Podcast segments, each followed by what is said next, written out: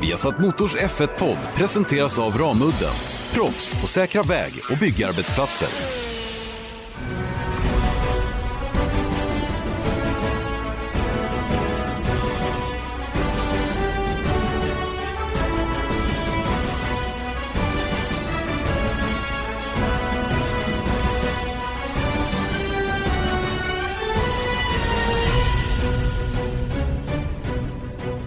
Grymt välkomna till Viasat Motors Formel 1-podd. Janne Blomqvist, Erik Stenborg som eh, knappt landat efter ett riktigt drama som vi var med, under, eh, vi var med om under helgen då under Tysklands Grand Prix. Och det här ska vi självklart försöka beta ner så mycket vi kan då i ehm, i eh, dagens podd. Eh, det är många olika saker som är spännande att diskutera tycker jag efter det racet som vi såg så det ska vi självklart göra. Vi har ett gäng överraskningar och besvikelser självklart. Eh, vi tittar lite närmare på vad hände egentligen med Alfa Romeo och deras bestraffning som de fick efter målgång. Ehm, eh, vi får en eh, race preview inför eh, Ungerns Grand Prix eh, och sen ska vi givetvis givetvis prata Indycar eftersom det igår blev en ny pallplats, en svensk sådan i Indycar den här säsongen när Felix Rosenqvist alltså blev tvåa på Mid Ohio efter några otroligt dramatiska avslutande varv. Erik Stenborg, det var en eh, söndag som vi sent kommer att glömma. Precis så. Och apropå Felix Rosenqvist så är det ju eh, numera tvång för alla svenskar som tar Indycar pallplatser att mm. vara med i F1-podden. Och i eh, går blev det ju så. Så han kommer. Ja, så det är no way to back out. Precis. Det är bara att ställa upp. Uh, vi spelar in nu, då sover förmodligen Felix fortfarande. Så att, uh, vi, men han, han, ska, han ska vara med. Punkt han har bara. sagt ja, så att vi bara påar hans intervju lite senare i programmet och så räknar vi med att den kommer finnas där. Exakt. Eh, men vi tar Indycar i slutet då eh, mm. och, så, och så tar vi saker och ting i tur och ordning. Eh, med all respekt för, för pallplatsen för Felix så var det ju ändå ett Formel 1-lopp här i Tyskland som eh, som ådrog sig viss uppmärksamhet. Det blev ju någonting alldeles vansinnigt. Hela den här helgen var ju så himla konstig egentligen med, med bastuvärme. Alltså jag har aldrig varit med om liknande. Jag tror aldrig jag upplevt så höga temperaturer någon gång egentligen. Nej, och det var faktiskt, man tänker så här, när vi pratade på fredagen, jag bara, ja, ja, men det är väl som Malaysia. Och, och sen så var nej men där är det ju 32 grader. Mm. Och det här var alltså 40 grader i Tyskland. Ja, och i vissa fall var det över 40 grader faktiskt eh, under, under torsdagen. Eh, och, och, när vi kom på, på onsdagen vet jag också enormt varmt. Alltså, vi satte oss i hyrbilen och körde ner mot, eh, mot Mannheim där vi bodde och bara tittade på termometern. Vad, vad står det? 40? Hallå? Mm. Mm. Så att eh, det gjorde ju, eh, det gjorde ju inledningen på den här helgen väldigt speciell. Och det, det, andra då var ju eh, att väderprognoserna var ju tydliga mot att det skulle bli svalare. Och redan här började det ju stöka i huvudena på, på Formel 1-teamen tror jag. Absolut, och, och det, då blir det den här grejen också att vi vet att det kommer vara på fredagen och så kommer det bli sämre på, eller svalare på lördagen och sen kommer det antagligen regna på söndagen. Det började bli ganska tydligt ganska tidigt under helgen. Vilket gör då att som F1-fan då knyter man även i fickan och säger yes. För att då är det den här datafrågan. Att då vet man att nu blir det mer osäkert. Mm. Och chansen för ett bra race går upp något enormt när det blir lite sådana här abrovinker i uppladdningen. Ja, saker som stör. Och sen är det ju också så här det, det, det är en distinktionsfråga vad som är bra och vad som är underhållande tycker jag också. Eh, allt var väl inte så himla bra igår. Det var väl inte en toppenbra körning men det var underhållande och det var spännande.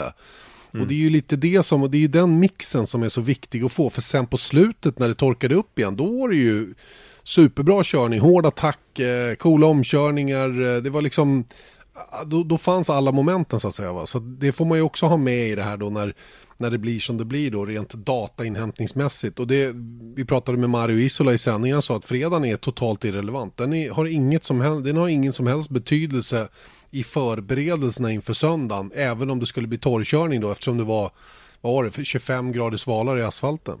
Mm. Ja men exakt. Och nej, men du har helt rätt i det, men det var just den där grejen att mot slutet när det, när det var torrkörning i praktiken, då blir det ju, då var helt, det var som att racet hade startat med lottad startordning. ungefär. Mm. Och vet du vad som är spännande också då? Det är ju att se hur formen liksom skiftade genom de olika skeendena i racet. Vi satt ju och gnydde över att Sebastian Vettel såg dötrög ut långa stunder när det var blött och han sa själv efter loppet att han fick inte den rätta känslan i bilen eh, på intermediates. Han tyckte inte riktigt att han kunde attackera så som han ville då inom ramen för att inte göra misstag och åka av. Och då fanns inte heller farten. Han låg länge och harvade bakom Kim Räikkönen där och kom liksom inte så långt fram som man egentligen hade kunnat förvänta sig att han skulle göra förrän på slutet. Mm. När bilen vaknade till, när banan blev torrare och han kände att nu kan jag gå för fullt igen. Och helt plötsligt så fanns fart som, som vi inte hade sett på, på långa vägar tidigare i racet. Mm. Och nu skulle jag vilja prata lite om regn mm. generellt. Att det. det är otroligt ovanligt att F1-bilar ens kör på regn. Det är egentligen bara i race och i kval som F1-teamen är benägna att åka ut, för de måste. Det är liksom i kvalet, då börjar kvalet och då måste man åka ut oavsett om det regnar eller ej. När det är på tester, ingen åker ut.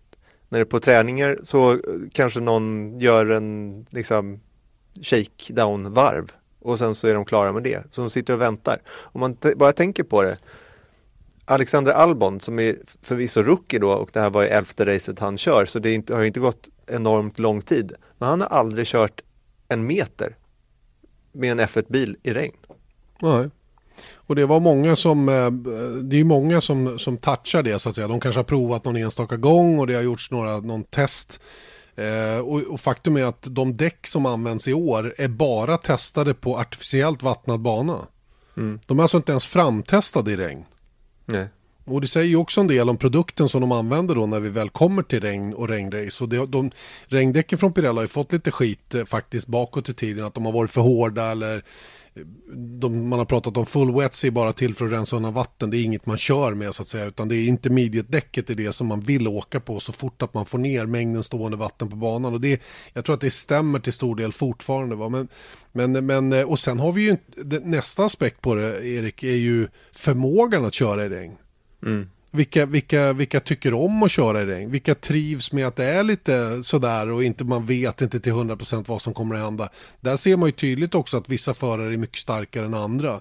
Lewis mm. Hamilton Max Verstappen får ju ofta beröm för sina förmågor i regn till exempel. Och det är kanske inte så konstigt. De, de ratas ju väldigt högt upp då. Medan andra vet man ju genom åren. Felipe Massa, han var ju oftast väldigt, väldigt långsam till exempel när, när det blev blött. Han trivdes inte alls med det väglaget. Kunde vara blixtrande snabb däremot i samma bil när det var mm. torrt.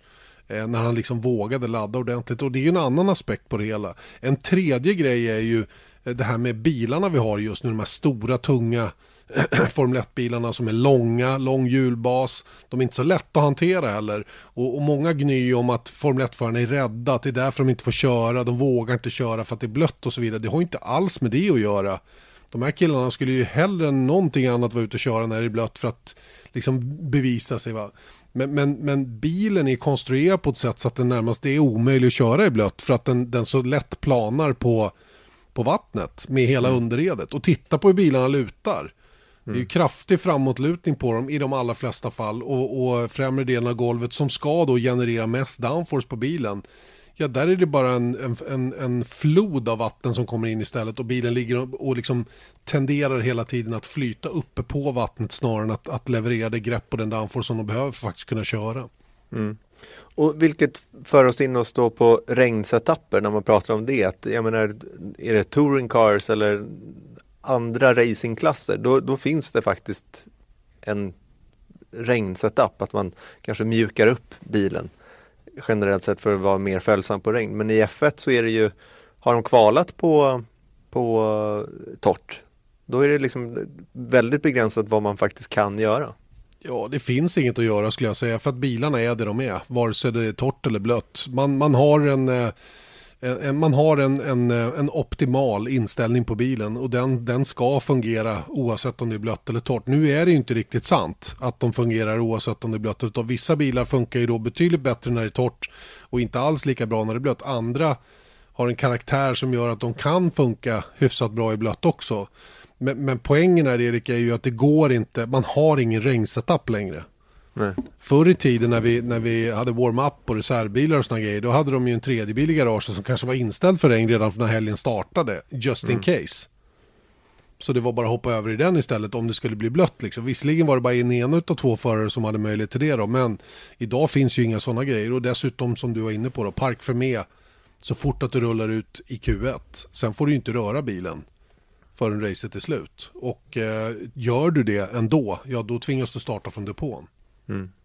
Men ändå då så finns det en kille i, på den här griden som är väldigt duktig på att köra på regn, regn och det är ju Lewis Hamilton. För han har av de innan det här racet då så hade han vunnit nio regnrace i rad.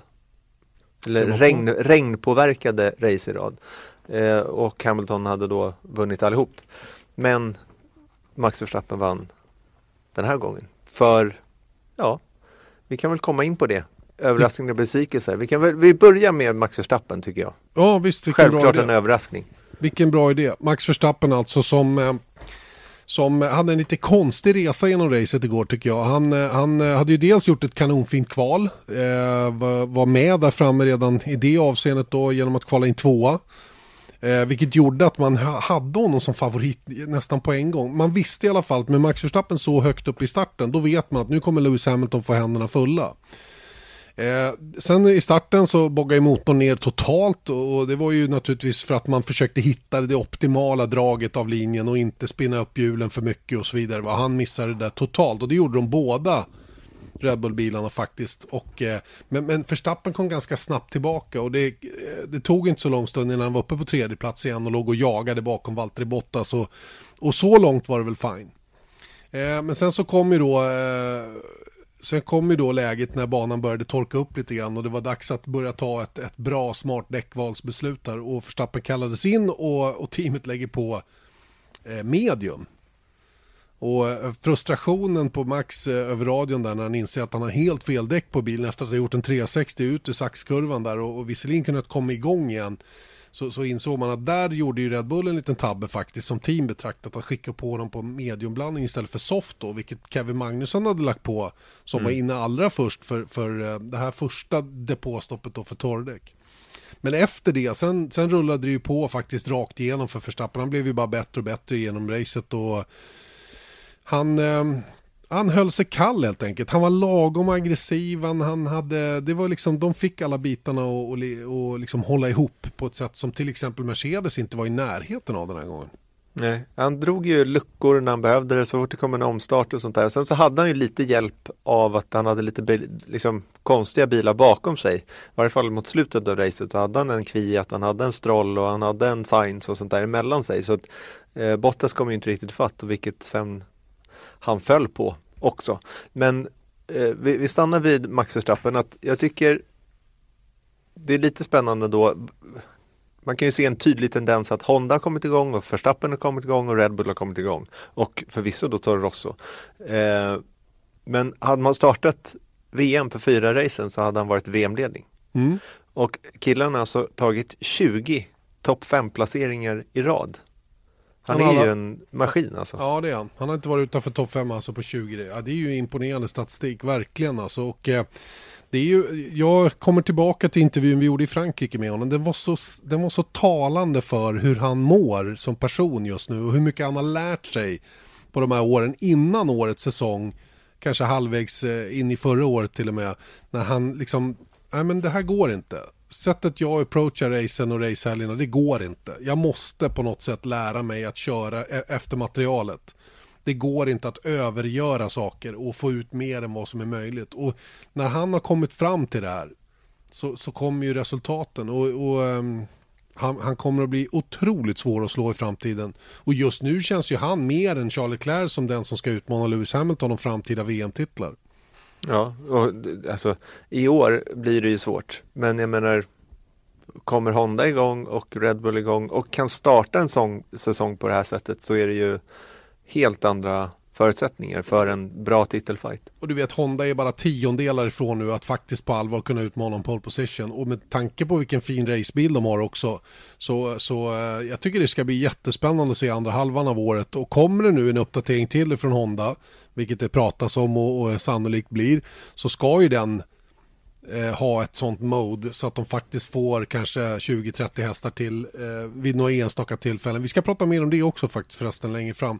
Men att de kan få de där extra hästkrafterna då under just kvalvarven då för att liksom börja sätta press. Och då blir det ju spännande att se när Mercedes måste reagera mot, mot utmaningen igen då, fast från ett annat team. De har ju lärt sig väldigt väl hur Ferrari fungerar och jobbar, men Red Bull kanske inte på samma sätt. Så de, de har liksom inte läst in dem, har inte behövt läsa in dem på samma sätt.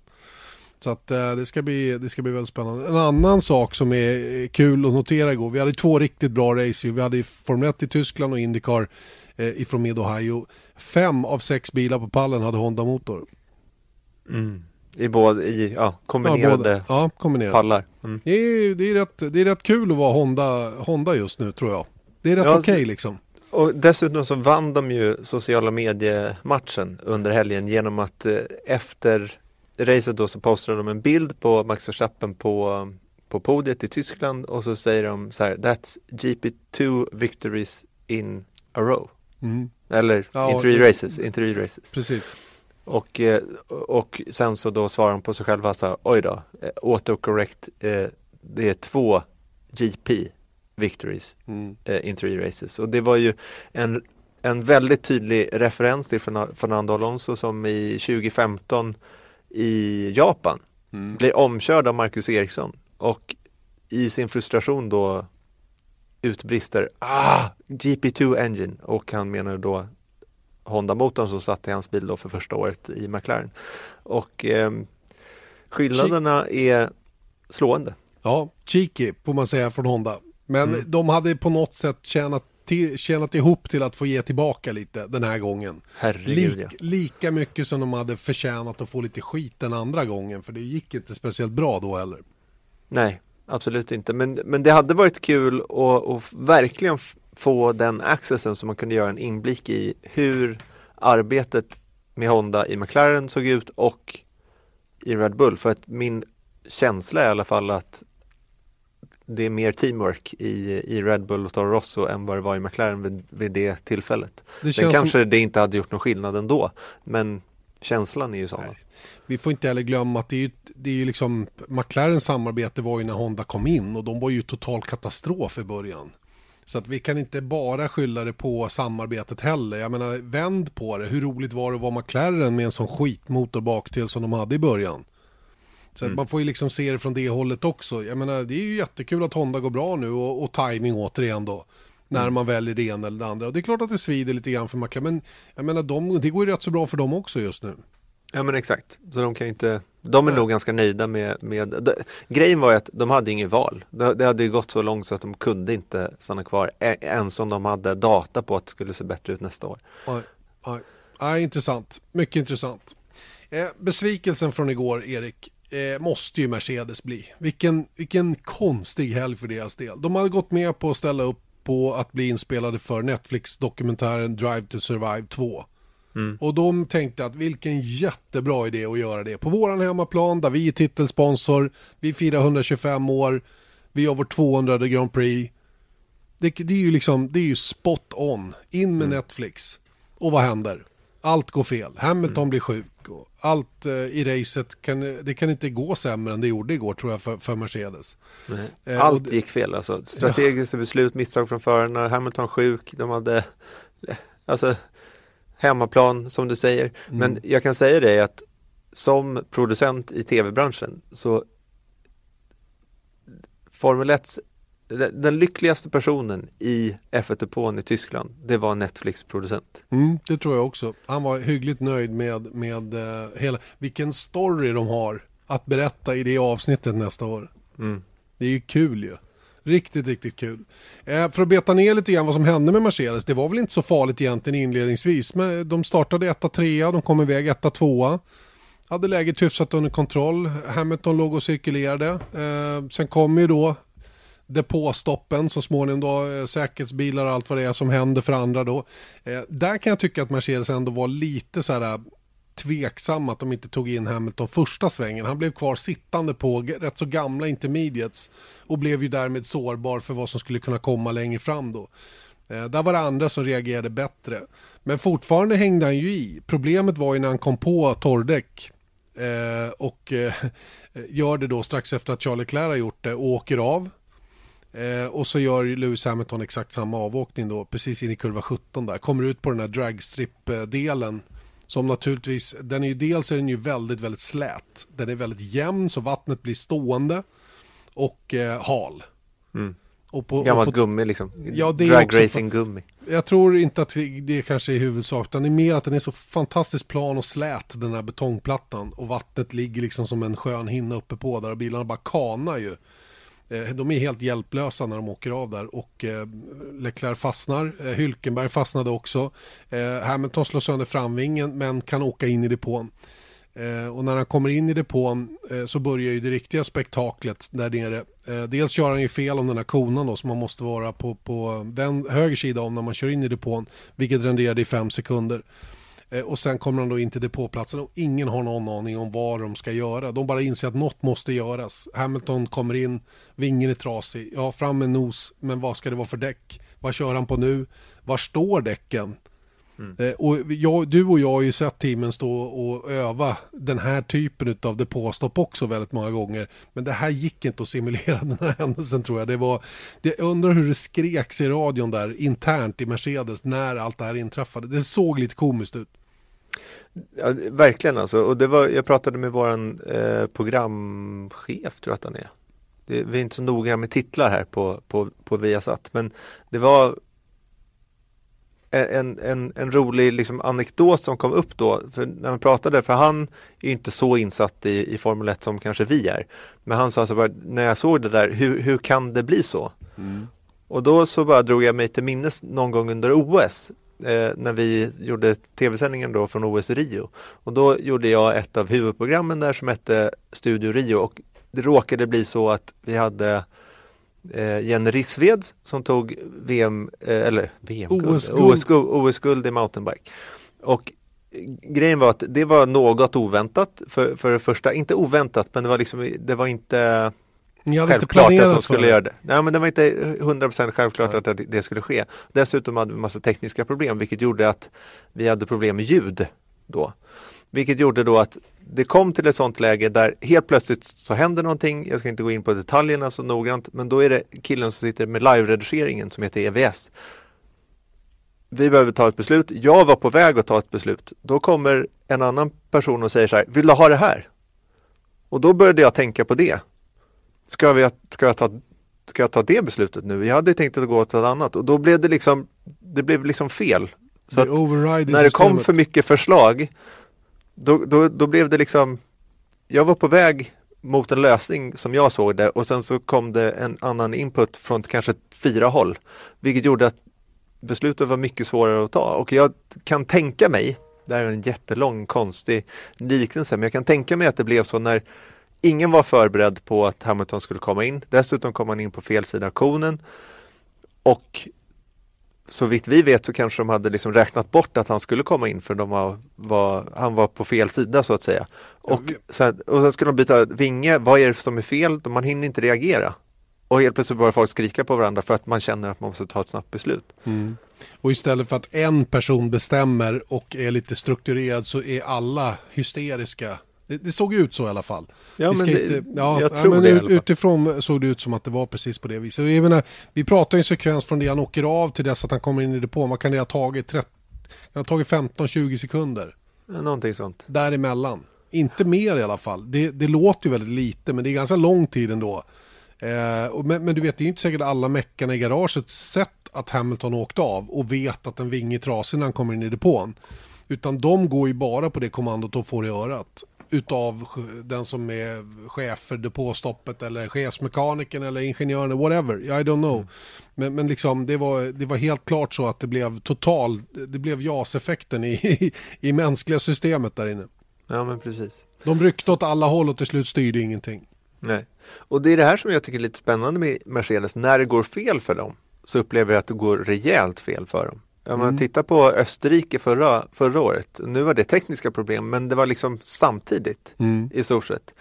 Och när de man kan ju i alla fall tänka sig att när de hamnar på bakfoten då är det liksom en ny situation för dem. För de är alltid styrande på något sätt längst fram och helt plötsligt så är de ansatta och det funkar inte speciellt bra och du vet, då blir det en snöbollseffekt på att alla platser på runt banan och i båda bilarna och båda förarna gör exakt samma misstag vilket jag tyckte var nästan lite skumt. Mm.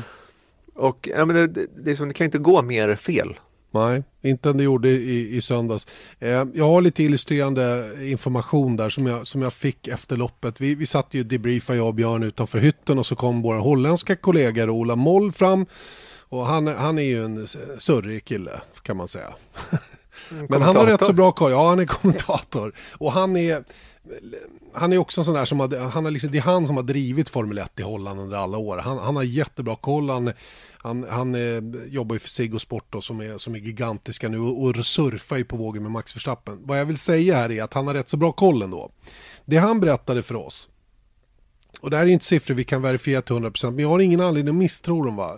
Det är att han, han menar på att Merca de, de simulerar alltså 175 race varje dag eller varje kväll under en tävlingshelg. De kör igenom racet 175 gånger varje dag i sina datorer för att hela tiden mata in nya scenarier så att de har koll på hur ska de göra om det ser ut si, hur ska de göra om det ser ut så. Hela tiden. Och det Ola Moldo sa som jag tyckte var så himla talande. Och, och, han säger verkligen det här, inte för att han är holländare själv och liksom, eh, tycker att det är roligt när det går bra för Max Verstappen. Han säger så här, Mercedes, they execute. Max Verstappen win races. Och, och, och, lite grann känns det som att det är så. Att, att, att Mercedes är så fruktansvärt kliniska i allting och har sån koll på allt hela tiden. Så de, de bara utför uppdraget på något sätt. va. Och, och i allmänhet 1-2, 1-3, 1-2 och, och tar på sig. De bara liksom följer den planen, uppgjorda planen.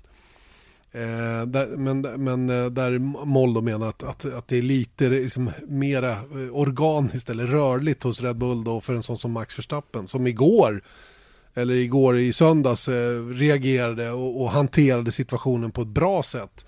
Men där Mercerna då, när, när de inte hade någon riktig plan att följa, tycktes eh, koka över. Mm.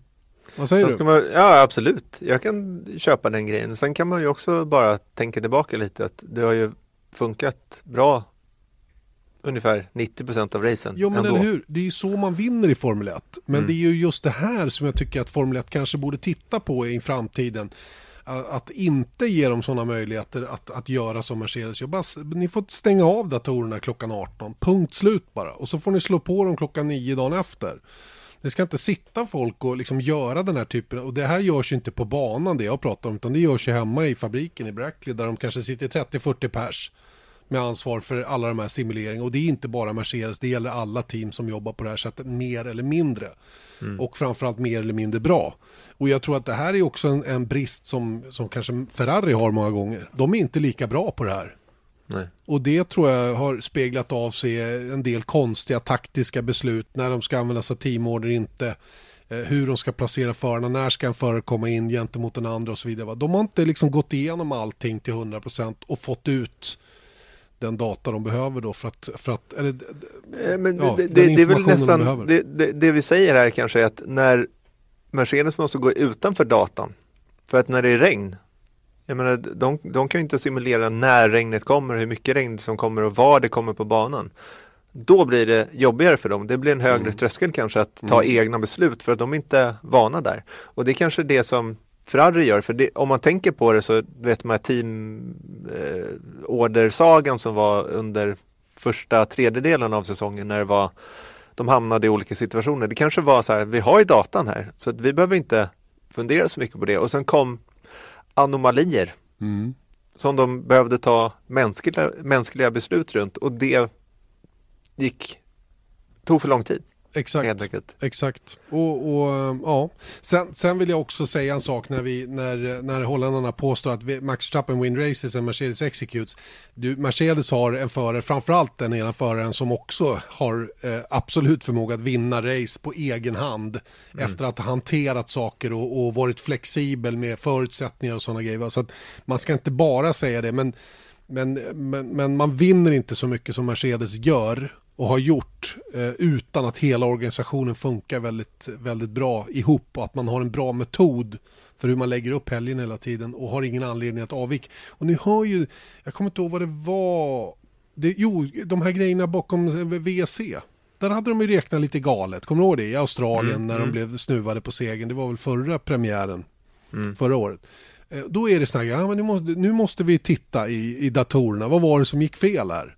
Och vi, det kom en sån kommentar igår också. Det var ju när Hamilton sa, hur kunde det bli så här dåligt? Mm. Ja, vi får, eh, det här måste vi naturligtvis review som de säger. Va? Det här måste vi gå tillbaka och titta noga på. Varför, varför hamnar vi nu helt plötsligt 11, 12 eller 13 eller vad det var i det här läget istället för att ligga längst fram, vilket de hade gjort innan då. Eller åtminstone varit med i matchen eh, igen efter den där avåkningen och när de väl hade fått på ving. Va? Det var ju depåstopp i parti minut för Hamilton och ingen visste riktigt vad som var det rätta att göra. Mm. Å andra sidan, men, men som sagt, Mercedes eh, leder med nästan 50 poäng i konstruktörs-VM och, eh, eh, och eh, eh, 40 poäng lite drygt till Valtteri Bottas, Hamilton. Alltså, så Mm. att det, det, det finns ju marginal, så de har ju råd med sånt här. För att jag tror inte att det här kommer inte återupprepas i Ungern. Men Antagligen. om man, om man, för Jean Tott har ju varit inne på det här. Att, att minska teamens möjlighet att simulera allting innan tävlingshelger och under tävlingshelger. Får man ner det, då kommer jobb, teamet att behöva jobba på ett annat sätt.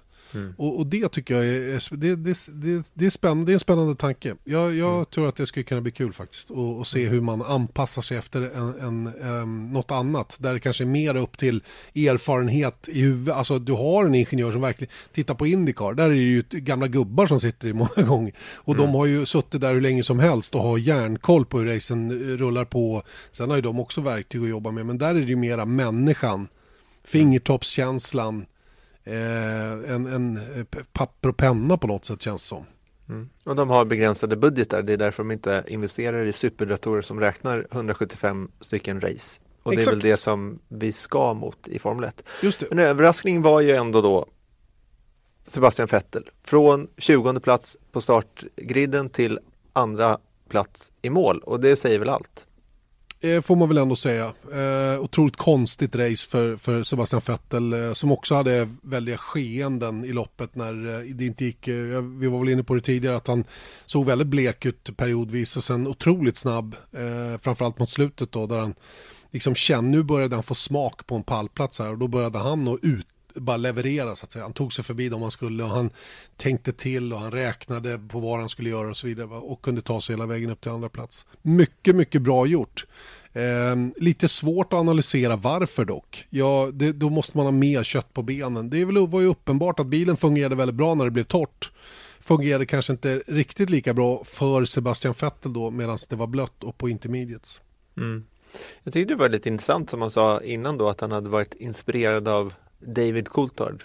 Att han hade förmågan någonstans att kanske inte vara den mest spektakulära på vägen upp på pallen men från en, en dålig startposition i changing climate conditions så, så liksom var han med där och sen så helt plötsligt bara dök han upp på pallen i alla fall. Mm. Och, det, och utan att liksom göra överilande saker. Men det faktum att vi även har en Toro Rosso på pallen säger ju lite grann om varför det kunde gå att köra från 20 till P2 Mm. eh, utan att egentligen ha den där riktiga farten i bilen som jag uppfattar saknades ändå för Vettel.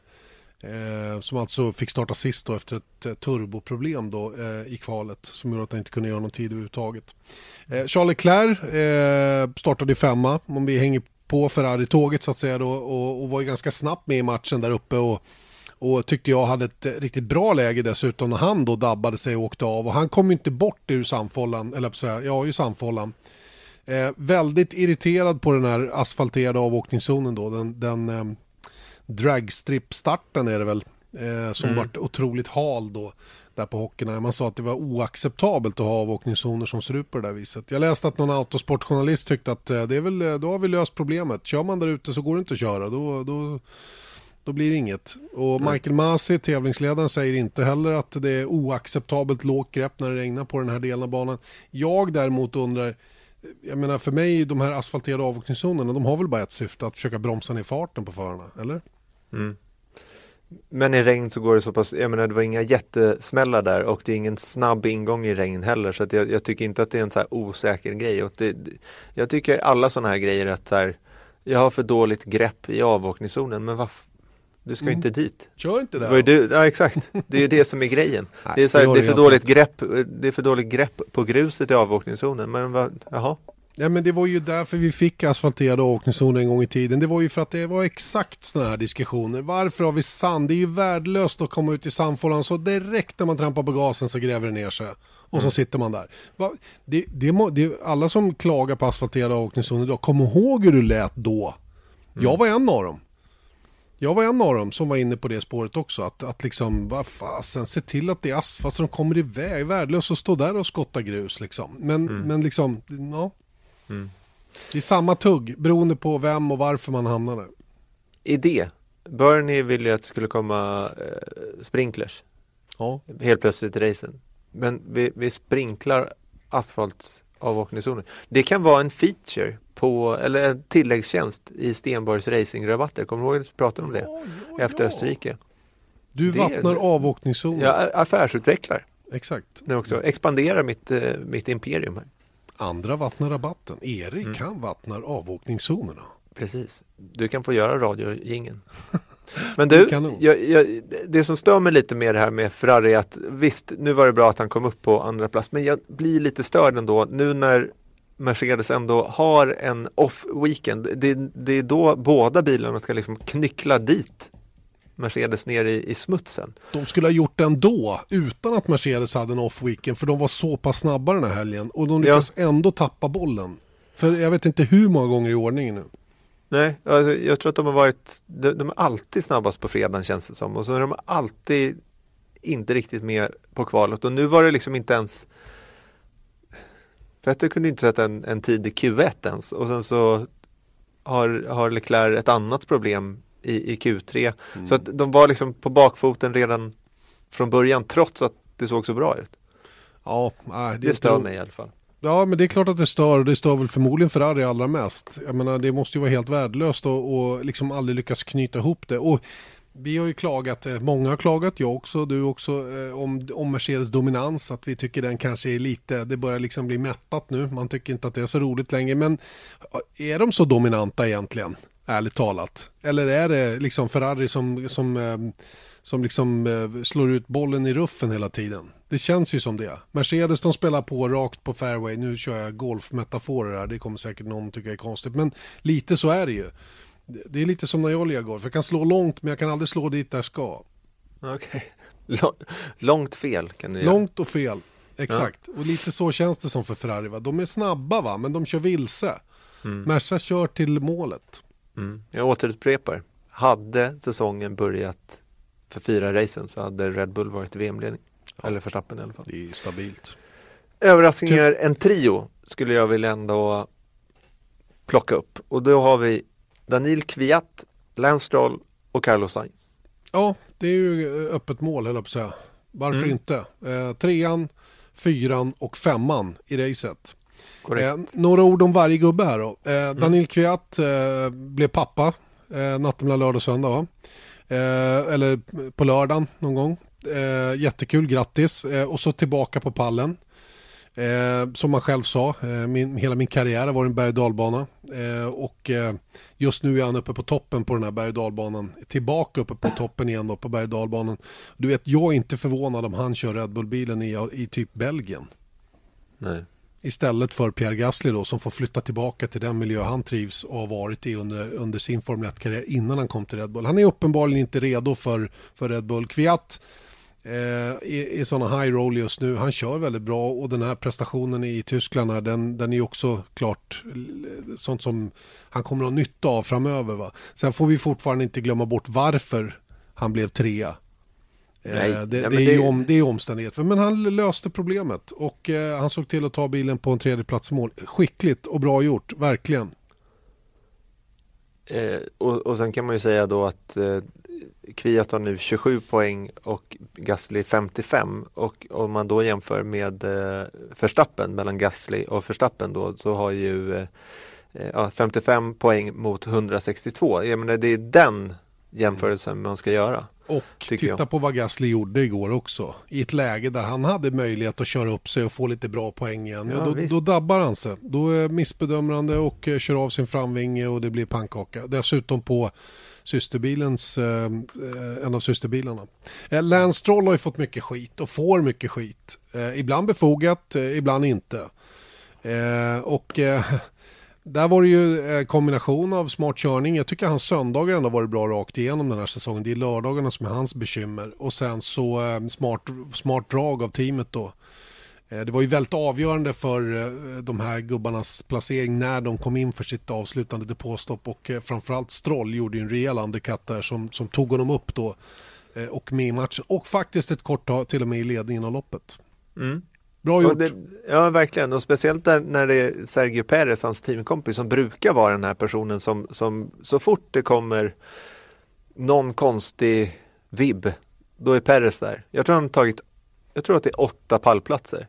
Varav ingen har varit liksom straight forward on speed, utan det har varit liksom en strategiskt mästerverk någonstans. Och det tycker jag är rätt coolt med Perez att, att han har gjort det. Men uppenbarligen så är det liksom lite racing point Eh, påverkan på något sätt också. Att de, de, på något sätt så lyckas de få upp någon förare där när chansen finns. Mm. Ja, i synnerhet igår gjorde de ett smart jobb och Bernadette Collins då, som är som är en av strategerna i teamet då, tog uppenbarligen klokt beslut och eh, ihop med föraren då bestämde att de skulle komma in då. Var det varv 42 eller 43 eller något sånt där utav 64 mm. och, och, och, kom då något varv innan alla de andra. Det var ju direkt efter att det hade blivit grönflagg igen. Eh, någon av dem var väl även inne under det att det var eh, säkerhetsbil och kunde göra sitt stopp i, i lite lugnare tempo. Då, men sen eh, ut. Men jag tror att de ville vänta på grön flagg så att de kunde göra stoppet i full fart också så att de inte tappade temperatur i torrdäcken. För det, det är ju ett problem att få igång dem sen igen. Det var bättre att få på dem direkt ifrån däckvärmen och sen ut eh, i högt tempo. För annars tror jag fler hade varit inne under det att det var säkerhetsbil. Mm. Eh, och sen Carlos Sainz avslutningsvis då i den här trion. Eh, vilken förmåga han har att vara på den där, just här. Runt femte, sjätte plats. Tre sjätteplatser tidigare. Eh, och nu en femteplats alltså, vilket är hans bästa resultat den här säsongen. Och, och fortsätter att ta för mittfältet stora poäng. Och är klart i ledningen i den delen av mästerskapet. Och, och kommer ju förmodligen inte hotas heller till den, till den positionen som bäst av resten om, om det rullar på som det gör. Ja, bara sju poäng upp till eh, Gasly till och med. Ja. ja, men det säger väl allt egentligen. Mm. Tycker jag. Tycker jag. Just det. Eh, sen har vi en besvikelse då som eh, var i, kanske varken eller innan men som blev en besvikelse om inte, om inte annat för Alfa Romeo. Mm. Eh, båda bilarna på poängplats. Kul för Giovinazzi eh, som, som var på väg att få nya fina VM-poäng. Nu blev de av med det. De fick 30 sekunders tidstillägg vilket motsvarar då ett stop and go-straff. Mm. Eh, och där hängde ihop med att de hade, mm, ja vad de hade gjort vet jag inte. Vad som, vad som hade hänt var i alla fall att eh, kopplingen och paddlarna inte var riktigt eh, synkade så som de ska vara enligt de regler som, eh, som FIA fastställer. Eh, och eh, det ska ju vara, det ska vara samma vrid så att säga på paddlarna som, och det ska motsvaras av samma vrid på koppling. Det här är jättetekniskt och svårt. Eh, men men det, det Alfa Romeo eh, visade sig ha på båda bilarna var en fördröjning. Mm. Vilket betyder att det blir ju en, en form av traction control, eller i alla fall ett, en mer slirande koppling då som, som är gynnsam då när det är blöt start. Mm. Man kan ju säga så här, poängen är att, att det finns en regel för att se till att eh, eh, teamen inte använder sig av någonting som kan liknas vid en traction control. Ja, och det, Fia, och det Fia säger då inom citat, det här ger då en mer gradvis applicering av vridmoment, vilket eh, eh, med anledning av att det var blött på banan kan ge en potentiell fördel. Så mm. stod ju i Fias bulletin. Precis. Så att, ehm, och, det, och det, här kan, det här kan Fia då ganska lätt se då genom ECU eh, e då och eh, därmed så blev de eh, rapporterade till domarna när Joe Bauer hade noterat det här och domarna gav alltså det som de, de gav dem straffet som motsvarar en tjuvstart då, det vill säga stop and go. Mm. Och Alfa Romeo är arga Fred Vassör är arg och oh, har ja. överklagat det här och eh, man får se hur det, vad som händer. Vi kommer säkert ha någon form av eh, bättre idé när vi eh, kommer till Ungern. Han säger så här, vi respekterar FIA-processen och eh, domarnas arbete men vi kommer att eh, överklaga det här beslutet eh, då vi, vi menar att det inte finns någon, eller de menar att de har grund och bevis som då skulle kunna vända på steken så att säga. Vi får se om de lyckas med det. Eh, inga poäng blev det i alla fall för Alfa Romeo och därmed en besvikelse. Ja, men då kommer vi till överraskningen. För att en förare som senast tog poäng för åtta år sedan, åtta månader och 14 dagar sedan, mm. Robert Kubica, som vi highlightade enormt mycket i, eh, in, i sändningen inför, tog därav sin första VM-poäng då på så lång tid. Och ja. Williams första för året. Ja, och vad, vad typiskt att det blev han då som tog poängen och inte George Russell som var fullständigt eh, förkrossande överlägsen inom teamet. Mm. Hela säsongen och så är det Kubica som tar, tar pinnen då så att säga. Eh, så att det, all, det är inte alltid eh, VM-poäng eh, är, talar den absoluta sanningen. Men po poäng blev det och poäng har de. Kul. Mm. Skönt för dem. Just det. Eh, ska du köra sista överraskningen? Ja, jag tycker F1-fans kan vara lite glada över att vi nu har fått tre stycken bra race och eh, som du sa i någon tweet efter helgen att vi ska väl inte förblindas av, av det här för det kommer komma dåliga race i F1 också men jag tycker att det var en väldigt bra bounce back efter det där Frankrikes Grand Prix där eh, domedagen var nära. Just att eh, F1 kan visst vara bra, sen kan det vara ännu bättre. Men just nu kan vi njuta av det här som har varit och eh, förhoppningsvis se fram emot ytterligare ett bra race i Ungern. Just det, och framförallt så säger det oss också att man behöver inte agera. Sporten agerar själv lite grann. Eh, och, och teamen och förarna agerar. Så det, det blir på något sätt, det händer saker utan att man behöver ändra i reglementet varje gång det är någon som har några synpunkter på någonting. Va? Så att jag tror att eh, man, man, får vara lite lugn i båten och Sen det här arbetet som ändå pågår med att eh, liksom jobba med eh, rätt typ av reglement det, det måste ju alltid pågå på något sätt för det behöver ju vara fem, fem till tio års cykler. Eh, så att säga. Va? Så att, eh, det är ju på gång i vilket fall som helst. Mm. Eh, men, men, men Jeremy Clarkson kan fortsätta kolla på Formel E. Ja, om han nu det, vill. Tycker jag. det tycker jag också han kan göra. Jag tycker han kan kolla på Formel 1 också. Jag bjuder gärna tillbaka honom in och glo mm. om man tycker att det är roligt. För det här var roligt i söndags, tycker i alla fall jag. Vi har satt Motors Formel 1-podd fortsätter. Eh, vi har pratat länge nu om Tysklands Grand Prix, men varför inte? Det var ju så himla mycket att prata om, eller hur? Ja, uppenbarligen. Länge pratade vi. Ja, och snart är det dags för race igen och eh, hög tid då för en ny race preview. Betsafe Race Preview. Betsafe, stolt sponsor av Alfa Romeo Racing. Hungary is a very special race. It's the last one before the summer break, a very appreciated summer break. But what can you tell us about uh, the Hungary Ring and the Hungarian Grand Prix? Um, it's it's very um, very funny um, going back to Hungary. It's one of the the oldest um, races in the calendar since we're in in Formula One since '94. It's always been there. Um, huge um, Finnish fan crowd. it used to be because of Mika and then and Kimi. There, the, the ambient temperature can climb up to 35 degrees. There, you have a hot race, and it's going to be hot um, in the garage to work, in the even in the hospitality with the air condition. Um, very, very Monaco-like. So we call we say Mickey Mouse. Um, not too many overtaking possibilities, but then you have to manage the tires because of the ambient track temperatures. And we're running the softest tire there and tire management is, is a lot brings brings you a lot but then again overtaking very difficult we talked prior to German Grand Prix that the weather can be unpredictable. We we have the same situation in Hungary many times with, with thunderstorms coming in and, and also the hot weather as you mentioned. Yeah, thunderstorms, especially in winter. I mean, if you have ambient of 30 plus, then um, there is always a possibility of a downpour, and then it, it develops like like from zero to 100. So it could you could have a thunderstorm um, within 10 minutes from blue skies to, to heavy rain. And you touched on it. It's a it's a really small track. Uh, many people consider it like Monaco without the barriers. Would you agree that it is that small? It's not that small, but in terms of overtaking, it's, it's uh, likely difficult. Um, you have the start finish straight. Um, you might have an opportunity before turn four, but this this is um, would be a risky attempt, and so it's um, grip position is, is a lot as in Monaco. And what does it what's that, what does it uh, need from the car to be quick there? Good traction um, because you got very slow corners. So um, aerodynamics is not. I mean, you need downforce, of course, but but um, traction. You do full downforce package. Yeah, you do. You do have. You have. But but you know, in these days, you have on most of the tracks, you have almost a full downforce package. No, you need a lot of downforce, but but you need traction, um, a good mechanical setup as well.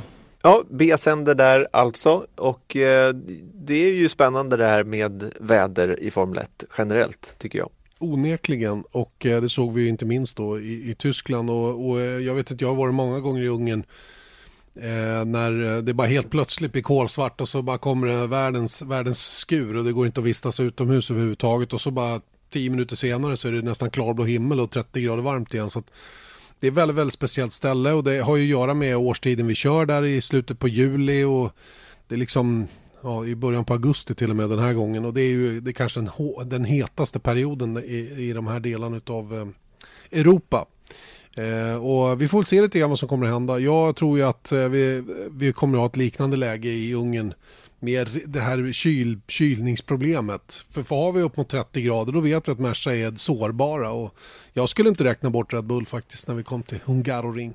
Nej, det lustiga är att vi tittade lite på oddsen eh, efter förra veckans eh, race preview och då hade vi ju 11 gånger pengarna tror jag på Max Verstappen. På, på alla utom Mercedes-gubbarna i toppen där var mm. det så. Och eh, då undrar man ju lite grann hur det ser ut inför Ungerns Grand Prix, om det har förändrats någonting. Det kan man ju säga att det har gjort. Eh, Max Verstappen skulle man ha satsat på till Tyskland, för då hade man fått 11 gånger pengarna. Nu får man 3,50. Mm. Eh, Hamilton har fått upp sitt odds lite grann. Det är två gånger pengarna nu på seger Frans. Det är Valtteri Bottas 6,75. Den tror inte jag är dålig. Den tror inte jag är dålig. Den skulle jag sätta pengarna på. Och det är ännu roligare när man kollar på kval. Eh, när man kollar på, um, på kvalet, nu ska vi se så jag hittar det också så att inte jag, här har Det var det. sex gånger pengarna på Bottas där. Exakt, och det är ju spännande. Vet du. Det är 1,90 på Hamilton, 3,25 på Max Verstappen, Valtteri Bottas 6 gånger pengarna, sen Vettel 9 gånger pengarna. Du vet, Vettel och Leclerc ger 9 gånger pengarna i ett kval. Där mm. skulle jag spendera en 50-lapp. Ja, men jag tänker liksom på, det, det är ju hemmaplan för ja. Bottas och, och Räikkönen också. Ja, Räikkönen det, ja, det är lite off där, men, men eh, ändå. Ja, men visst är det så. Det är ju, eh, det är ju inte finsk, eh, det är alltid mycket finländare i Ungern, men det är också väldigt mycket svenskar. Det är mycket av allt och det kommer att vara mycket holländare och det kommer att vara högt tryck. Jag tror att mm. det blir en helt fantastisk helg faktiskt i Budapest. Jag, mm, jag, jag, jag, jag hoppas och tror det. Absolut. Och när vi nu pratar odds då måste jag eh, säga så här att vi ska komma ihåg att det är 18 års gräns för spel och att spela ansvarsfullt. Så nu har jag sagt det. Ja, och jag men... är över 18 Erik. Ja, men då så. Sist jag kollade. Och ansvarsfull det har jag alltid varit. Ja, det, det, är en annan fråga i och för sig då. Men, men eh, vad, vad, tror vi då?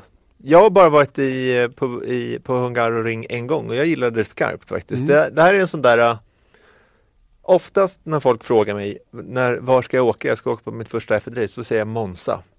Men Jaha, du säger nummer Monza två först? Bruk, ja, jag gör det faktiskt. Mm. Sen så tycker jag Ungern är ganska kul för att det är, det är praktiken typ en av få gånger som jag varit i, i en forna öststat och det är lite kul att uppleva det också. Budapest är ju superfint som, som det är. Har du varit i Ryssland alltså? Ja, Sochi. Ja, ja. typ. Okej, okay. i alla fall. Jag vet inte var vi är på väg. Men... Inte jag heller. Men vi, vi stannar vid Budapest och eh, Hungaroring. Du tycker att det, det, är fränt att vara där och jag håller med dig. Det, mm. det är ett väldigt, väldigt charmigt ställe. Eh, banan har varit med sedan 1986. Eh, det första racet bakom järnridån då, när den väl fanns. Eh, det var ju ett cigarettbolag som stod för fiolerna och var också title sponsor väldigt, väldigt länge. Det var här Damon Hill som är, tog en sån här överraskningsseger i en Arrows 1997. Mm. Eh, och eh, det var här som Jenson Button vann ett sånt här race som, eh, som vi såg i, i, i söndags i Tyskland. Regn 2006. av och till. Och, kaos i största allmänhet och lite talande för att det var en Honda då, den gången också.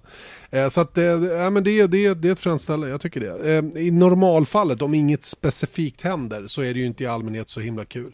Vi hade något race, var det 16 tror jag, när Daniel Ricciardo gick och vann.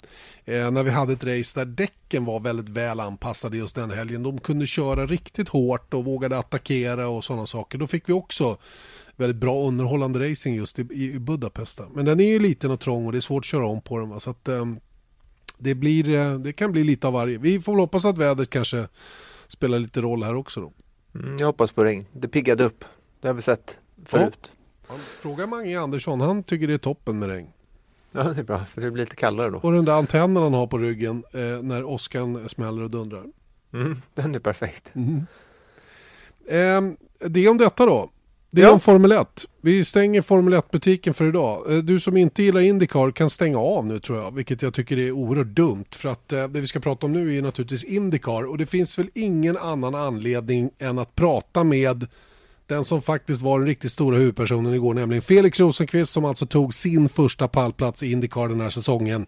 Och han gjorde det bakom teamkamraten Scott Dixon eh, som vann racet på Mid-Ohio efter några otroligt dramatiska race. Eller varv på slutet ska jag säga. Just det, varför inte prata direkt med, med källan så att säga då när det gäller helgens Indycar-race. Välkommen till F1-podden Felix Rosenqvist. Tack så mycket. Hur känns det idag? Nu har det gått ett par dagar sedan, eh, sedan du tog den där härliga andra platsen. Det måste, det måste kännas gott inombords. Ja, både och. Eh, känns eh, skönt att ha den här pallplatsen gjord nu. Det kändes som att det tog väldigt lång tid innan den, innan den kom. Uh, samtidigt så, så blir man väl mer och mer frustrerad när man kollar på, på racet och ser hur, vilken stor chans man hade att ta sin första seger. Så det är självklart både och. Men uh, ja, med, om man ser det från lite perspektiv så får man vara väldigt nöjd tycker jag. Det var, det var fantastiskt kul race tycker jag. Det, det, var, det var nog det roligaste att det blev så bra show liksom. Och, så spännande i slutet och det, det är väldigt många som har hört av sig och sagt att de liksom inga, inga naglar kvar efter, efter söndagen. Så att eh, ja, det var riktigt häftigt race. Ja, jag är en av dem som inte hade några naglar. Det var sjukt de där tio sista varven när man inte riktigt visste vad som skulle, hur långt fram du skulle komma så att säga. Men hur kändes det i bilen? Alltså det var väldigt frustrerande att ligga bakom de, de varvade bilarna framförallt. Det, det är någonting som man har svårt att vänja sig vid när man, eh, man kommer från europeisk racing. Att, att de varvade bilarna ligger och slåss och till och med försöker köra om en och, och fightas liksom som om det vore för segern. Och det är väl någonting som jag känner själv att jag kanske inte hade gjort i samma situation. Men det är också någonting man inte kan ändra på utan det, det är bara som det är. Men det, det var väldigt väldigt svårt att acceptera det när man såg liksom egentligen segern fem bilar fram. Eh, men ändå var det så svårt att komma till den. Eh, och det var ju bara liksom att försöka hålla sig lugn. Men det var, jag har nog aldrig varit så upprörd i bilen som jag var då. Vi, vi har ju hört det. Vi hörde ganska animerad radio från, från din sida då. Din, din eh, chefstrateg då som, eh, som försökte hålla dig kall så att säga i det här läget. Och jag förstår ju att det här är besvärligt. Samtidigt är det ju Eh, eller säg så här, sitter det i ryggmärgen lite grann det här med varvade bilar? Att då i den där situationen, då förväntar man sig nästan bara att de ska flytta sig för det är man van vid från allt annat av racet. Men i, men i USA är det en ganska vedertagen regel som har funnits länge. Ja, och det, jag vet ju att det är så. Men jag, jag tyckte nog mer det var att hade jag varit i den sitsen så hade jag nog bara insett att det, det är inte min dag. Och även fast man slåss om 15-16 plats så så kan man liksom försöka göra det lite smooth och bara liksom försöka släppa fram mig genom ledet i alla fall. Uh, behöver liksom inte riskera att man kraschar sista varven när man slåss med ledaren, eller han som ligger två och ledaren då. Men det var ju typ som Sato, han låg bakom skott och han dök ju liksom på honom och jag tror nästan de touchade en gång. Uh, och det, det känns liksom lite utanför min uh, Men... realitet. Ja, men vad, vad är tanken med det då? Att man ska? För att det är ju som sagt att det var ju de första jag tror att det var i Sankt Petersburg som jag satt och kollade och det var liksom det första Indycar-loppet på länge som jag verkligen hade följt noggrant och så, och så ser man då att vänta, de flyttar ju inte på sig. Och vad är tanken med det då? Att de inte ska behöva göra det? Jag tror tanken är att eh, först och främst så får alla poäng i Indycar eh, så länge du kommer i mål då så att säga. Eh, så att alla alla platser betyder ju någonting och då om man om det ligger ett par och slåss och så kommer ledaren och så blir det att de flyttar sig så kanske det är orättvist för deras del om de tappar en plats i och med att de ja, flyttar sig åt sidan då. Eh, så att alla racear liksom och jag, jag tror bara det är en kulturgrej här borta att alla slåss om sin plats vare sig man ligger 22 eller 1 liksom. Eh, som sagt intensiv radiotrafik då. Din, din, um, din, din strateg då så, som jobbade med det hela tiden då. Han, han um, hade ju då varit med och lagt upp strategin givetvis för dig i det här racet då. Och, om vi tittar på den då specifikt. Um, var, det, var det bestämt en trestoppare redan från start eller blev det en trestoppare under racet? Nej, det var egentligen inte bestämt någonting. Uh, tanken var väl att vi skulle försöka göra en tvåstoppare. Uh, och vi börjar på de svarta däcken, vilket jag tycker var väldigt bra drag så här i efterhand. Uh, vi, det var ju bara jag skott som, som valde att göra det i topp 10 egentligen. Eh, så att första stinten så egentligen var min instruktion bara liksom attackera eh, och det kändes som att från teamets sida ganska tidigt att de bestämde sig för att Scott skulle prova en tvåstoppare och jag skulle prova en trestoppare så att vi splittade upp båda bilarna. Och därmed så sa de liksom, ja men kör flat out liksom och försök köra om Power då som ledde racet och Rossi och alla vilka det var. Eh, på de svarta däcken i första stinten. Så att, eh, och i och med det så gjorde jag 29 varv på min första stint vilket är ett mindre än 30 då som är en tredjedel av racet. Så att ja, i, i och med att man gjorde 29 varv så hade det blivit tufft att göra en tvåstoppare för att det hade blivit väldigt tajt med, med, med bensin på de andra stinterna. Vilket gjorde uh, å andra sidan att du kunde hålla ett högre tempo när du väl var på banan då, just för att du aldrig behövde ta de här hänsynen. Då. Precis, uh, så det var ju bara liksom att acceptera och det, jag tycker egentligen inte det var något fel på den strategin.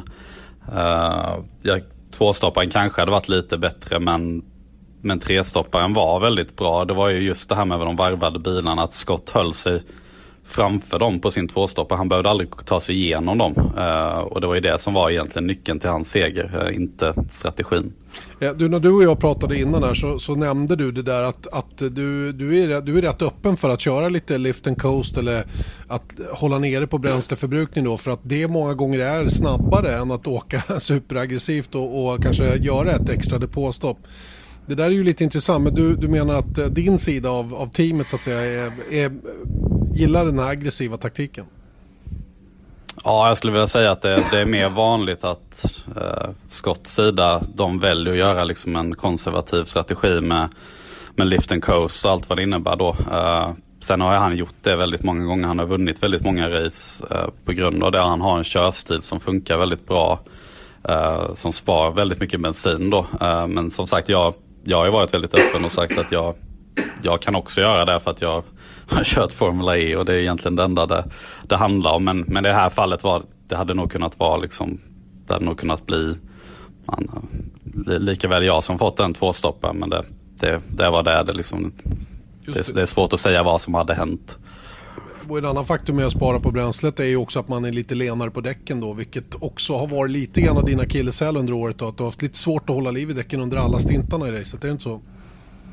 Ja, precis. Och, och därför har jag också tyckt att det alltid har varit en bra idé om, om man gör den eh, strategin då i och med att det som du säger, det, det spar däcken på samma gång som man spar bensin och i och med det så har man en bättre stinttid då. Uh, Sen, sen skiljer det väldigt mycket från bana till bana. Jag tror det, detta racet var det inte så mycket tired egg. Uh, däremot kände jag att jag har gått åt ett håll med setupmässigt då som, som spar däcken mycket mer och som man kan ladda mer utan att slita på däcken och det, det var nog den stora breakthroughet för mig denna helgen att jag, jag hade faktiskt race pace som jag nästan inte haft något race alls i år.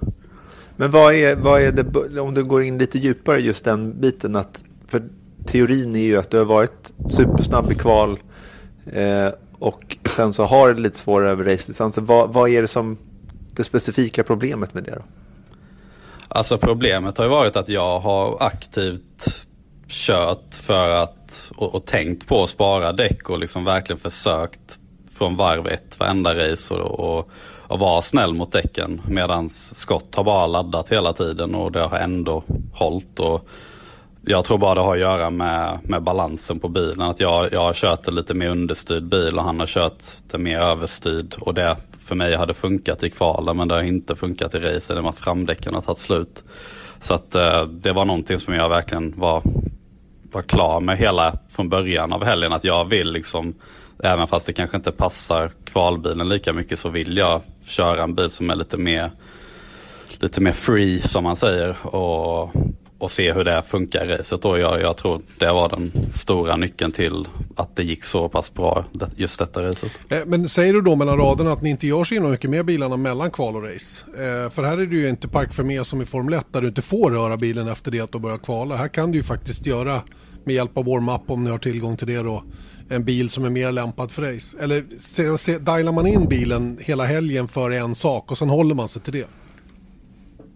Det är, det är, olika från race till race men uh, typ i Road America där vi visste att vi skulle ha väldigt mycket degradation då, då gör man rätt mycket. Man gör bilen mjukare och man ändrar massa toe hit och dit för att, för att uh, den ska spara mer däck då men uh, ibland så lämnar man bilen precis som den är när man tror att det inte blir så mycket degradation för man behöver en bra balans på bilen. Man behöver kunna ladda och känna sig komfortabel. Så att, ganska liten då skulle jag säga jämfört med man ser typ GP, ja, Formel 2 och Formel 1. Och, eh, eller kanske inte Formel 1. Men ja, Formel 2 där, där jag vet att de ändrar bilen totalt liksom för racet för att spara bakdäck och sådär. Um, så det, ja, det, det, det är lite fram och tillbaka. Så jag har väl varit inne på det spåret att jag behöver verkligen ändra min bil inför race för annars funkar det inte. Och nu var det snarare som att jag körde samma bil hela helgen och det funkade både för kval och race. Och det, det, kändes, det kändes bra. Du behöver kanske få ett kvitto till på att det är så här det ska funka nu då innan du vet att du är något på spåret så att säga. Nu är det ju två valrace de kom, kommande då. Det tar ett tag innan ni kommer tillbaka på en vanlig bana igen. Um, och valracen för din del har väl kanske inte varit uh, din starkaste sida om vi säger så. Även om jag tycker att du gjorde en, en bra helg på Indianapolis till exempel då med, med anledning av kraschen och att det tog lite tid att komma tillbaka upp i fart. Uh, hur ser du själv på valracen då, de här som har körts, de tre som har varit hittills? Ah, det har väl varit som du säger, Indy tyckte jag var väldigt bra i, i slutändan. Uh, det var det, det kändes som att jag, jag byggde upp farten väldigt mycket under racet och i, i slutändan så var, var det en topp 10 helt klart som var i sikte liksom innan jag blev involverad i den här kraschen mellan Baudet och Rahal och, och några till. Uh, sen Texas var väldigt tung. Uh, det kändes aldrig som jag riktigt hade confidence, kanske lite i slutet av racet men det, det, där tog det väldigt lång tid innan liksom, det kändes bra alls. Uh, sen Iowa var där, det var nog den jag varit mest confident på. Men där, där tycker jag inte vi hade någon speed i bilen alls. Varken jag eller Scott. Eh, han gjorde ju en liten lucky draw där i slutet. Och, och tog en andra plats när han fick ett fritt de, eh, gratis depåstopp. Men han sa ju också att han hade ingen speed alls. Liksom, så att, eh, det har varit lite upp och ner men eh, det känns i alla fall som att känslan av att köra på valen blir mer och mer familjär. Och det är inte det att man liksom är rädd som, som det var när, efter man kraschade och typ som det var på Texas. Så, så jag, jag, jag, tror ändå det, det, det har tagit lång tid men det, jag, jag känner ändå att det, det alltid blir bättre och att det, det, jag kommer fixa det liksom. Generellt sett då, då det, är gått, det är inte mycket kvar av säsongen. Det är fyra race kvar. Av, ja, sen två valrace och sen så två stycken eh, eh på mer vanliga banor. Hur, hur, hur har det känts hittills? Indycar-förare första året, rookie? Nej, det har varit en fantastisk resa och lärt mig enormt mycket. Alltså mycket mer än vad jag trodde jag skulle göra. Eh, när man kommer hit så och kollar på förarna så tänker man liksom att ah, men de här borde man kunna slå liksom, om, man, om man får några race på sig. Och sen inser man att det är en sån himla tuff serie. Det, det, det är någonting hela tiden som, som är nytt. Det är olika däck varje race. Det är väldigt olika banor som ja, vissa lär man sig lätt och vissa tar hela helgen att lära sig. Eh, sen racen då med, med safety cars och strategi och väldigt aggressiva förare. Eh, det är väl någonting som, alltså just hur aggressiva alla är på första varvet och på ja, omstarter och sådär.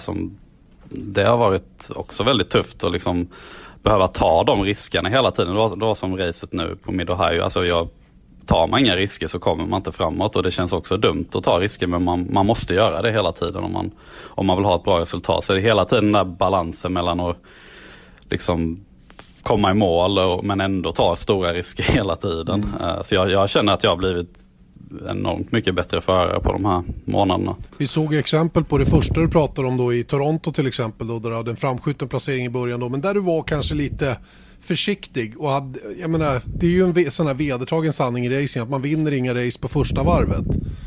Eh, men, men faktum är att du, du förlorade rätt många placeringar på första varvet där och hade sen svårt att komma tillbaka ifrån det. Och det är väl, det är väl den lärdom man måste dras med då, eh, in i det här så att säga.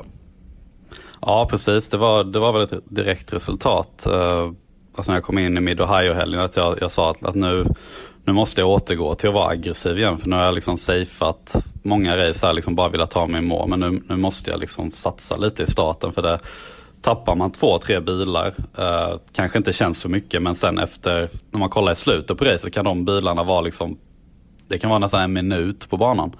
Eh, så varje bil i början är extremt viktig och kan man komma om de här liksom Sato och Ray Hall och de, de, som är rätt aggressiva liksom, men ofta inte har pacen i slutet av racet. Och kan man komma om dem i början så är det guld värt alltså. Du, det, Sato, du, eh, du har lite, du har, du, ska vi säga så här, du har lite respekt för honom när han är på banan där. Han, är, han kan vara rätt så vild har jag förstått.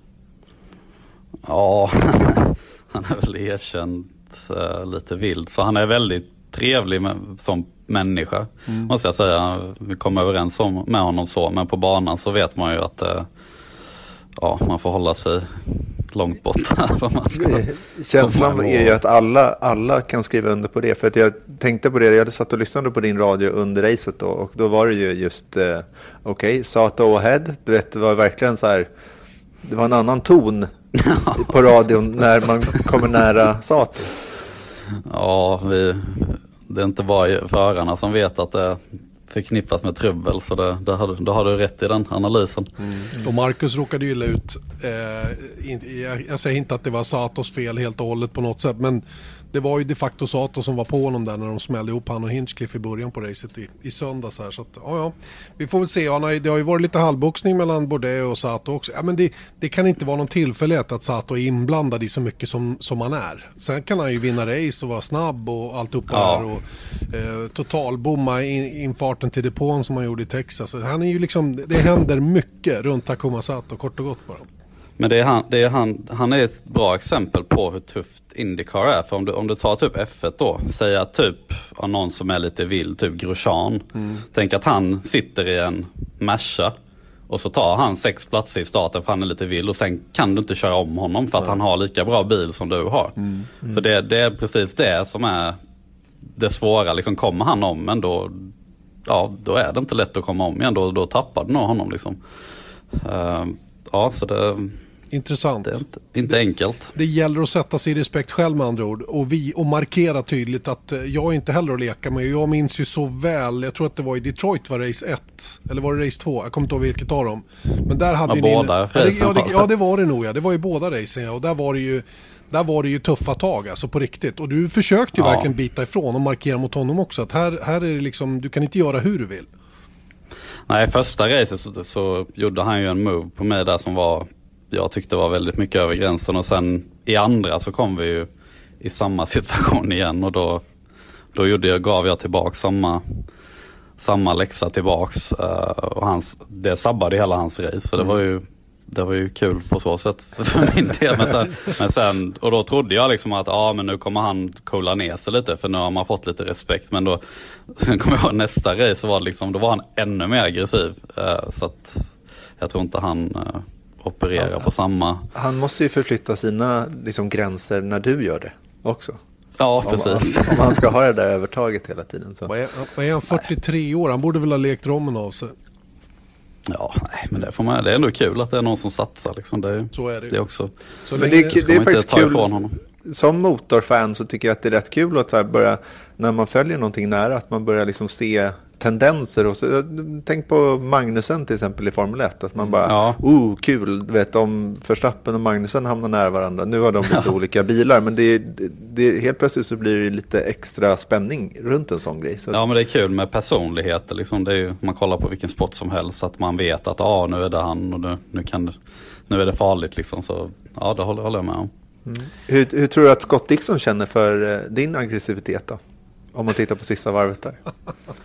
Nej, men inte, inte på negativ, utan jag, tror, jag tänker liksom, det måste ju innebära lite respekt också att hans rookie-teammate är inte feg liksom på ett sista varv i ett race. Jag menar, det var rätt, eh, det var en spännande del av det racet kan man säga.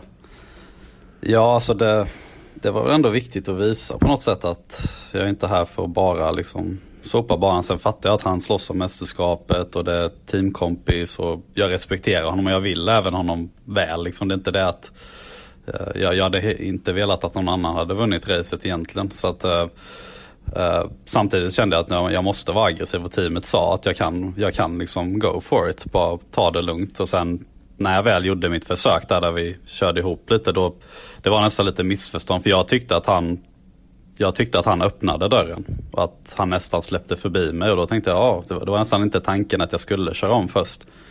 Och så gick jag upp med, med nosen innanför och sen gick han egentligen till helt vanligt spår från det. så jag hade ju ingenstans att ta vägen så jag körde ju på gräset liksom och då touchade vi lite. Um, men fair enough, alltså det, ju, det, var sista varvet och det var för, för vinsten. Det är klart att han inte kommer göra det enkelt för en. Uh, och sen hade vi liksom en bra fight fram till fram till mållinjen då. Uh, och det, det, var bra jobbat av honom att hålla, hålla mig bakom på de däcken, absolut. Det var, ja, han var inte snabb. Det var liksom, nej, han var ju typ två och en halv sekund långsammare. Uh, sen är det inte lätt att köra om på mid och high det, det såg man ju liksom när man tog sig förbi de varvade. Men, men ja, jag tyckte det var, det var kul och han, han bad ju nästan om ursäkt för att han hade försvarat för hårt. Och sen, sen mm. tror jag han är lite artig också, så han, han är ju vinnarskalle liksom. Den, mm. Lite en Rickard Rydell, han är väldigt, väldigt, a, väldigt artig men sen är han en jävel bakom ratten. The smiling, the smiling assassin kallas ju Rickard Rydell, så det kanske är det Precis, mm. exakt. Och sen är det ju naturligtvis lätt att be om ursäkt när man väl har vunnit den här fighten också, ska man ju också komma ihåg då. Ja. Ehm, nu är han ju oerhört erfaren i hela den biten och du har ju dina år framför dig så att säga. Ehm, Okej, okay, the monkeys off your back kan vi säga då med andra platsen. Ehm, ja. Är du klar för nästa år? Det är... Kör vi raka Fan, frågor? Raka puckar här. Jajamän. Uh, ja, alltså mer eller mindre, men det är ingenting som egentligen är officiellt. Men ja, det är väl stort sett klart skulle jag säga. Cool.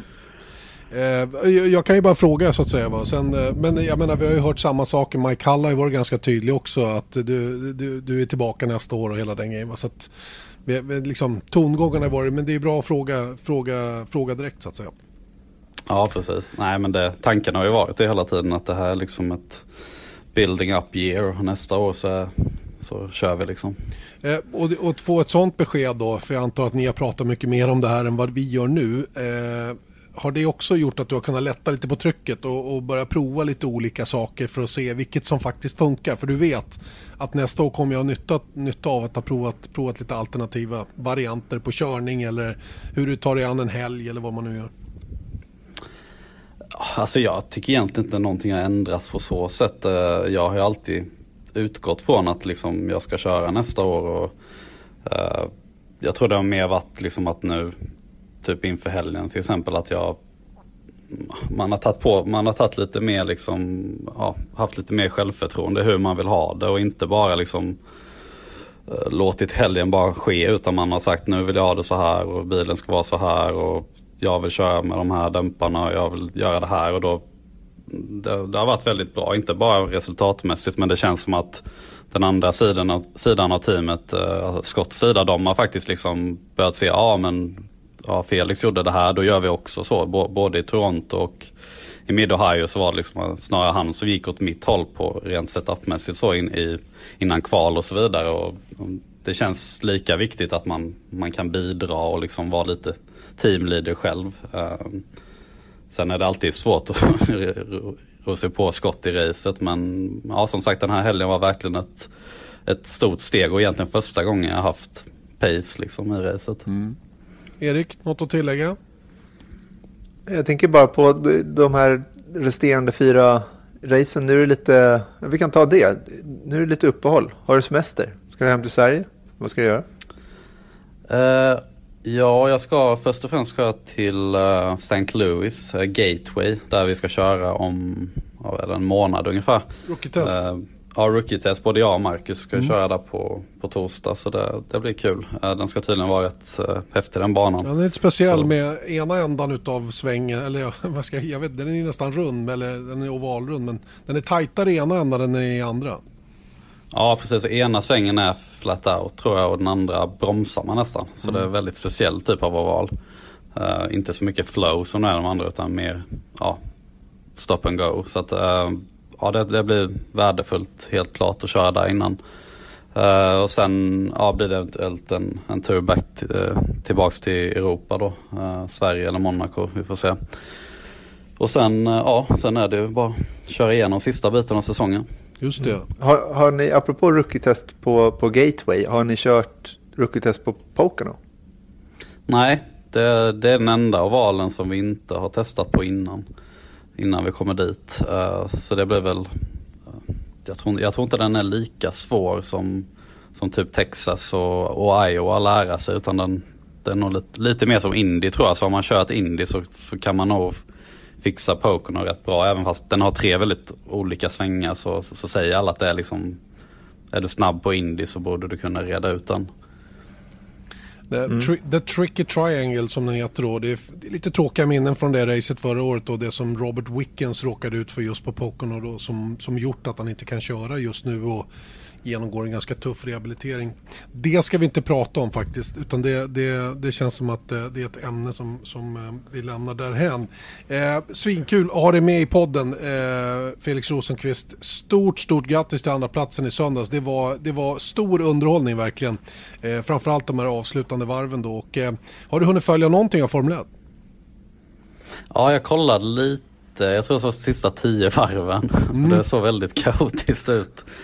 Ja, eh, då hade du ändå missat riktiga kaoset när det var riktigt blött. Eh, men ja. de, de två racen dessförinnan har ju ändå varit rätt okej okay också. Eh, det känns ju som att ungdomarna börjar ta för sig på riktigt allvar där. Inte bara Lewis Hamilton. Ja, precis. Och Leclerc har väl varit rätt vass. Man har inte riktigt fått resultaten där som man har, man har hoppats på. Jag, jag håller lite på honom så jag hoppas att det kommer en vinst där snart. Det känns som att han är han är hungrig nu framförallt efter Hockenheim där när det gick lite åt skogen. Mm, det kommer närmare och närmare men det gäller ju att Ferrari också som team knyter ihop säcken bättre än vad de har gjort hittills. Eh, som sagt, eh, tack så mycket Felix. Eh, ha en eh, jätteskön semester eh, och eh, så hörs vi när det är dags för, för Pocono eh, och eh, nästa race då som är det som är närmast på kalendern. Erik Stenborg, vi rundar väl av den här podden också då? Det tycker jag, men vi är tillbaka nästa vecka igen. Jo, jo, jo. Så det är ingen fara. Vi ger aldrig upp oavsett om det är sommaruppehåll eller inte. Så det blir toppen. Vi är som sagt tillbaka om en vecka igen. Eh, alla ni som har lyssnat, har det jättegott så länge. Säger vi tack och på återhörande. Vi har satt Motors F1-podd presenteras av Ramudden. Proffs på säkra väg och byggarbetsplatser.